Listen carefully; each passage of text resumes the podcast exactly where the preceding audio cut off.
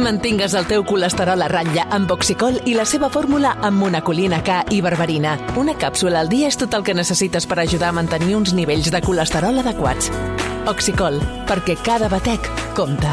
I recorda, troba-la a la teva farmàcia. Havia de ser de Kern Pharma. Catalunya viu, eh, Míriam Díaz, una explosió de casos sense precedents a Europa. Eh, més fins i tot al Regne Unit quan hi va arribar la variant Delta. Sí, sí, eh, i allà es troba el doctor eh, investigador i genetista de la Universitat de Leicester, Leicester, el professor d'Estudis de Ciències de la Salut de la UOC, eh, Salvador Massip, a qui podem saludar. Doctor Massip, bona tarda. Hola, bona tarda. Um, a més, crec que vostè està confinat. Sí, confinat i positiu. Soc un d'aquests exemples de persona vacunada amb dues dosis que ha acabat agafant la malaltia. Ara entrarem en matèria eh, pel que fa a aquesta pauta completa i que, i que et tornes, a, en aquest cas, a contraure la malaltia, però abans deixi'm preguntar-li per les imatges que hem vist després de l'Eurocopa o durant la Eurocopa, no? Uh, creu que va ser prudent posar 60.000 espectadors a l'estadi de Wembley a la final de l'Eurocopa i, de, a banda del, del, del que és el recinte, el que han estat eh, els accessos, el que ha estat la gent al voltant, les celebracions, els incidents i el que va passar al voltant de Wembley i després les celebracions que hi ha hagut a Itàlia per eh, celebrar aquest títol i prudent no ho ha sigut, ha sigut temerari o fins i tot podríem dir criminal, perquè això tindrà conseqüències. O sigui, eh, han de tenir molt clar, eh, com estàvem sentint ara, doncs que eh, és una qüestió de números. Evidentment, hi ha molta menys mortalitat ara perquè hi ha molta més gent eh, protegida per la vacuna i tota la gent eh, d'edats més avançades, que són els que acabaven a l'hospital majoritàriament, estan protegits, però si es contagia prou gent, s'acaba morint gent també, eh, i fins i tot la gent jove, i això és una mica el que hem d'evitar, i, ho estem, i ho sabem. Per tant, que conscientment es permetin actes d'aquesta mena, quan a més a més l'OMS va fa, fa unes setmanes deia que l'Eurocopa està sent un dels principals esdeveniments per escampar el virus per Europa, a mi em sembla molt, molt irresponsable. Com, com, com com podem entendre aquesta irresponsabilitat que s'ha implementat eh, a molts països, no? Eh, és a dir, han arribat les vacunes, ens hem començat a vacunar i dona la sensació de que el que ha quedat, eh, fins i tot en les autoritats, és que això ja està, està resolt i està salvat i la prova la tenim, doncs, el, el que deia vostè, de la celebració d'aquesta Eurocopa, les celebracions que s'han fet avui, per exemple, no cal anar molt lluny, a Barcelona, eh, molts grups d'italians celebrant l'Eurocopa, molts grups d'argentins també celebrant la Copa Amèrica, és a dir, no, dona la, la sensació, doctor, que estem eh, immersos en la imprudència i amb l'autocomplaença.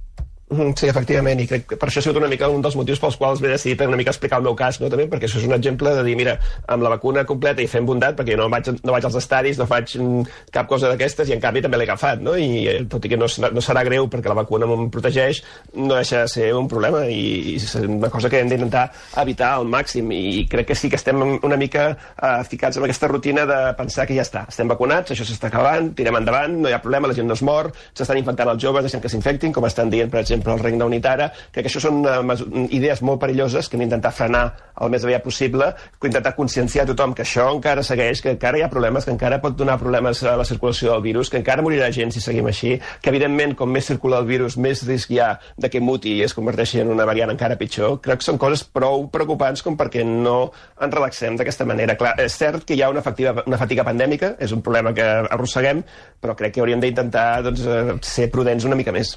Quina explicació explicació... Com ens pot explicar mmm, l'arribada d'aquesta nova variant, la variant Delta, i per què és diferent a la resta? I també li volia preguntar per les properes que poden anar arribant.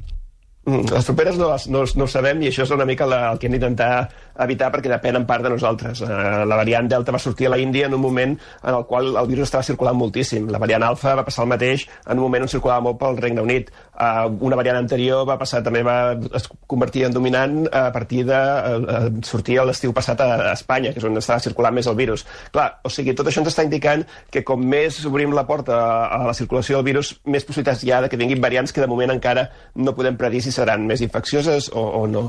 En aquest sentit, eh, la variant Delta és, sobretot això, més infecciosa, no sembla que tingui masses característiques més, a part d'una capacitat molt més elevada de contagiar-se. I això ha generat doncs, un, trastorn important en els plans de molts països, per exemple, el Regne Unit, que tenia el sistema ja molt controlat, tenia els casos pràcticament a zero, tenia la població molt vacunada, i se les prometia molt felices, però l'arribada de la Delta ho ha, ho ha trastocat tot. I no ens hem adaptat, no hem sabut eh, reaccionar prou ràpid, em sembla, i ni el Regne Unit, que van ser els primers, ni la resta d'Europa, ni, ni, ni Espanya ni Catalunya, que ho han vist venir una mica i no, no hem fet res per aturar el cop. El doctor Daniel Prieto Alhambra, de la Universitat d'Oxford, eh, deia, eh, concretament a la, en una entrevista a La Vanguardia, que la velocitat de contagis que hi ha a Catalunya no s'ha vist ni al Regne Unit.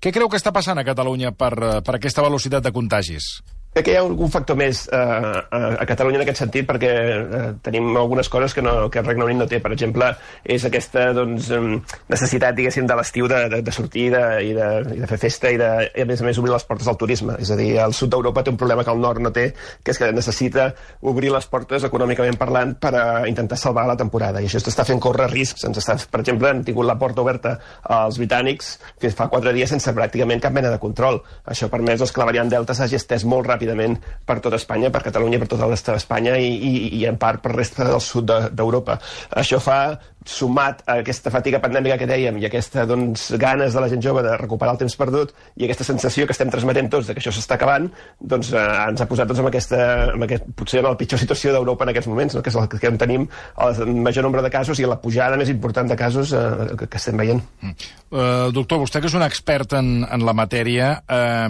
clar, ara estem immersos en la variant Delta que ens ha arribat de l'Índia eh, és la protagonista d'aquesta cinquena onada, però eh, bé, ja es parla d'una nova variant.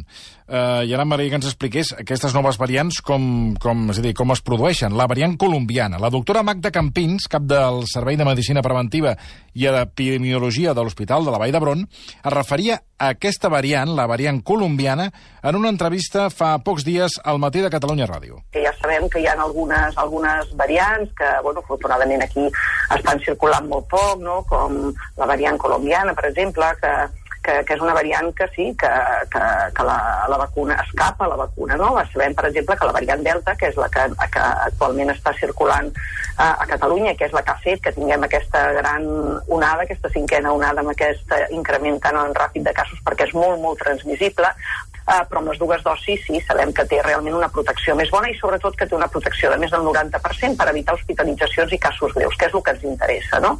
Però bueno, hi poden haver-hi altres variants i això també s'està estudiant que realment perden eficàcia eh, no només en quant a el que, és, el que seria la infecció, sinó també en quant a el que seria la gravetat, i això és el que fa por. Doctor Massip, um, com, com es genera, o sigui, com es crea, o com, com, bueno, com, sí, com surt aquesta... Ara en parlava la doctora Magda Campint, no? Aquesta variant colombiana. Com sorgeix? Per què sorgeix?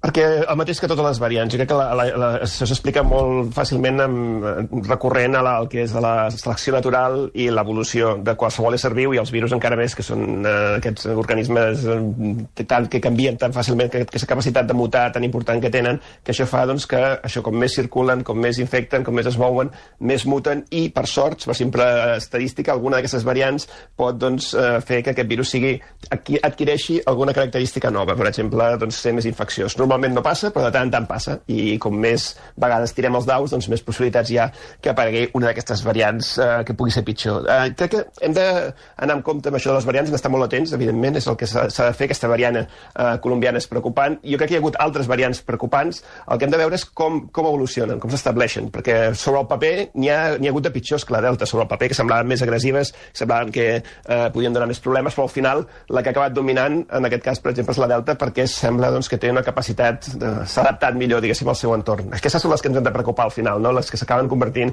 en dominants. Si la colombiana, la lambda, la delta plus, totes aquestes noves que estan sortint realment seran problemàtiques o no, crec que ho anirem veient. De moment no cal patir més del compte, però sí, el gran risc, com deia la doctora Campins, estic d'acord, és que una d'aquestes que, que al final s'escapi dels anticossos, que realment els anticossos que hem generat amb les vacunes no aconsegueixin evitar la forma greu de la malaltia, si una d'aquestes es converteix en dominant, llavors sí que tindrem molts problemes. Mm. Doctor, un té la sensació sensació de que hem entrat en un, en un, no sé si túnel o en un bucle que, que, que costa de dir que, que, que, o sigui, que, que això s'acabarà. O sigui, que s'acabarà perquè, clar, variants, com vostè diu, en poden, en, en, permanentment n'hi ha. I després hi ha una altra qüestió que també li volia plantejar, que és la vacunació ha d'arribar a tot el món, no? Efectivament, i aquest és el problema. O sigui, això és una cursa entre el virus i la vacuna, no? Com més tardem a vacunar tot el planeta, més temps li donem al virus a mutar i a convertir-se en una d'aquestes variants que pugui escapar de la vacuna i eh, una mica de tornar a la casella zero, de tornar a començar a revacunar, potser fins i tot a, a redissenyar vacunes.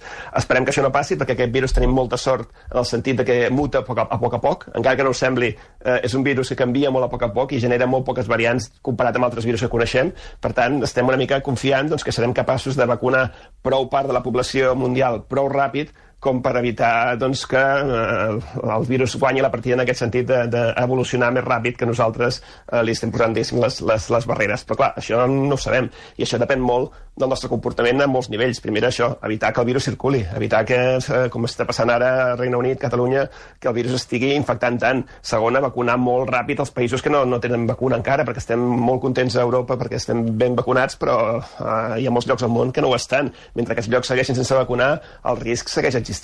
Crec que són coses que són importants recordar-les perquè es vegi que la pandèmia no s'ha acabat, la pandèmia continua, hem de continuar sent prudents tots per nosaltres mateixos i per col·laborar una mica això, a frenar la circulació del virus i mm, tenir confiança doncs, que tindrem sort i no es complicaran les coses. Míriam. Sí, jo li volia preguntar per aquest cas eh, inèdit que s'ha conegut a, a Bèlgica, aquesta dona de 90 anys que va, va morir al març per, per Covid i que es va contagiar amb, amb dues variants a la vegada, l'alfa i la, i la beta. Estar contagiat amb un virus no vol dir que al mateix temps ens, ens podem contagiar amb un de diferent? Clar, en principi no. En principi els virus eh, et poden... O sigui, no, un no evita que t'infectis amb l'altre. I eh, tot i que és molt rar, és molt estrany que passin coses així, pot arribar a passar de que t'infectis per dues variants i de fet encara és més, el pitjor podria ser doncs, que el fet que estiguis co-contagiat per més d'un virus, que aquests virus d'alguna manera intercanvien informació i, i, i generi una tercera versió, diguéssim, un- una, una, una variant nova. Tot això és possible, poc probable, però també pot passar i crec que és part doncs, d'aquesta cursa no, evolutiva que té el virus, no? de sempre intentar eh, buscar la manera de, de transmetre's millor. No? És, és, el, que quan troba la manera doncs, això de ser més contagiós, és això la selecció natural el que acaba afavorint i fa doncs, que sortin doncs, virus cada cop això més efectius a l'hora de transmetre's. I estem eh, esperant aquesta roda de premsa que ha de fer eh, doncs, part del, del govern a, a tres quarts de sis de, de la tarda amb noves mesures. Eh, vostè creu que, que haurien de passar per eh, evitar aquesta interacció social eh, amb, posant en risc, per exemple, festivals o grans aglomeracions, com va apuntar ahir el conseller Argimon? A mi em sembla que sí, a mi em sembla que hem d'admetre la realitat. O sigui, ho hem intentat, hem intentat desescalar una mica, hem intentat començar un estiu bé, però la realitat s'ha imposat. O sigui, la variant Delta no la teníem prevista en aquest sentit, no, no esperàvem que aniria així, ho estàvem sentint uh, ara com des del clínic ens estaven dient que no s'esperaven aquest, aquest ingrés de gent jove. Mm, El, hi ha uns fets innegables, que és que el virus està circulant molt i està circulant especialment amb una certa franja d'edat. Per tant, el que s'hauria d'intentar és que aquesta franja d'edat precisament interaccioni el mínim possible. Evidentment que és una, que és una mala passada perquè per, per la gent jove, per tothom, vaja, però evidentment pels joves, que són els que en aquests moments tenen moltes ganes, més necessitat que mai, doncs, de recuperar una mica tot aquest any perdut a nivell social. Però la realitat és la realitat. Si el, on el virus més realment s'està escampant més és entre 15, 20, 30, 30 anys i aquesta gent són els que van a festivals, van a oci nocturn i van a una sèrie d'activitats, intentem reduir aquestes activitats almenys durant un temps fins que parem el cop una mica. El problema, doctor, és que com consciencies aquesta franja d'edat de la 15 al 30 quan se'ls hi tanca l'oci nocturn, com ha passat eh, aquest passat cap de setmana, i ho celebren i fan la festa al carrer, no? És allò que anomenem aquí el botellot. Per tant, eh, no sé, jo les autoritats no sé quines decisions poden prendre, perquè realment és que és molt complexa la, la, les decisions que... O, o, és a dir, com, com ho abordes, això, aquest problema, no?, aquesta interacció. Estic totalment d'acord, és molt difícil això, i això passa no per imposar normes, no per mm, retallar drets o llibertats, sinó per explicar-ho i per intentar conscienciar a la població. Mm, És molt més fàcil conscienciar una població que té més a perdre, o sigui, mm, conscienciar la gent gran que s'havia de vacunar va ser molt fàcil, perquè si no es morien, i això ho veiem molt clar, però conscienciar la gent jove que s'han de vacunar, que han d'evitar contacte social i han de vigilar i fer una mica més de bondat quan ells no, no es creuen que els afecta gaire aquesta malaltia, o si més no, normalment no són els que acaben urgències, malgrat que hem vist que això està canviant, però com ho fas per convèncer-los? Crec que hi ha un problema de comunicació important, o sigui, hem de, hem de treballar no només amb, eh, amb la part, diguéssim, purament mèdica, purament científica, sinó la part comunicativa de dir, escolta, eh, és una mica feina de tots això, vostra també, i eh, vosaltres podeu patir les complicacions a nivell personal, però que a més a més sou la peça clau en aquests moments per parar el cop a tota la població, tot, encara podem evitar més morts i podem evitar més problemes si tots els joves també ajudeu a, a, a fer una mica més d'això de, de control de la, de la, de la pandèmia. No, no, tenen una feina molt complicada, evidentment, uh -huh. les autoritats. Veurem, estarem, estarem, estem pendents d'aquesta roda de premsa, Míriam, que serà tres quarts de sis. Tres quarts de sis. Veurem quines decisions prenen el govern català. Doctor Massim, moltíssimes gràcies per acompanyar-nos una vegada més. Un plaer, fins la propera. A recuperar-se. Bona tarda. Gràcies. Doctor investigador i genetista de la Universitat de Leicester i professor dels Estudis de Ciència de la Salut de l'Universitat del UOC.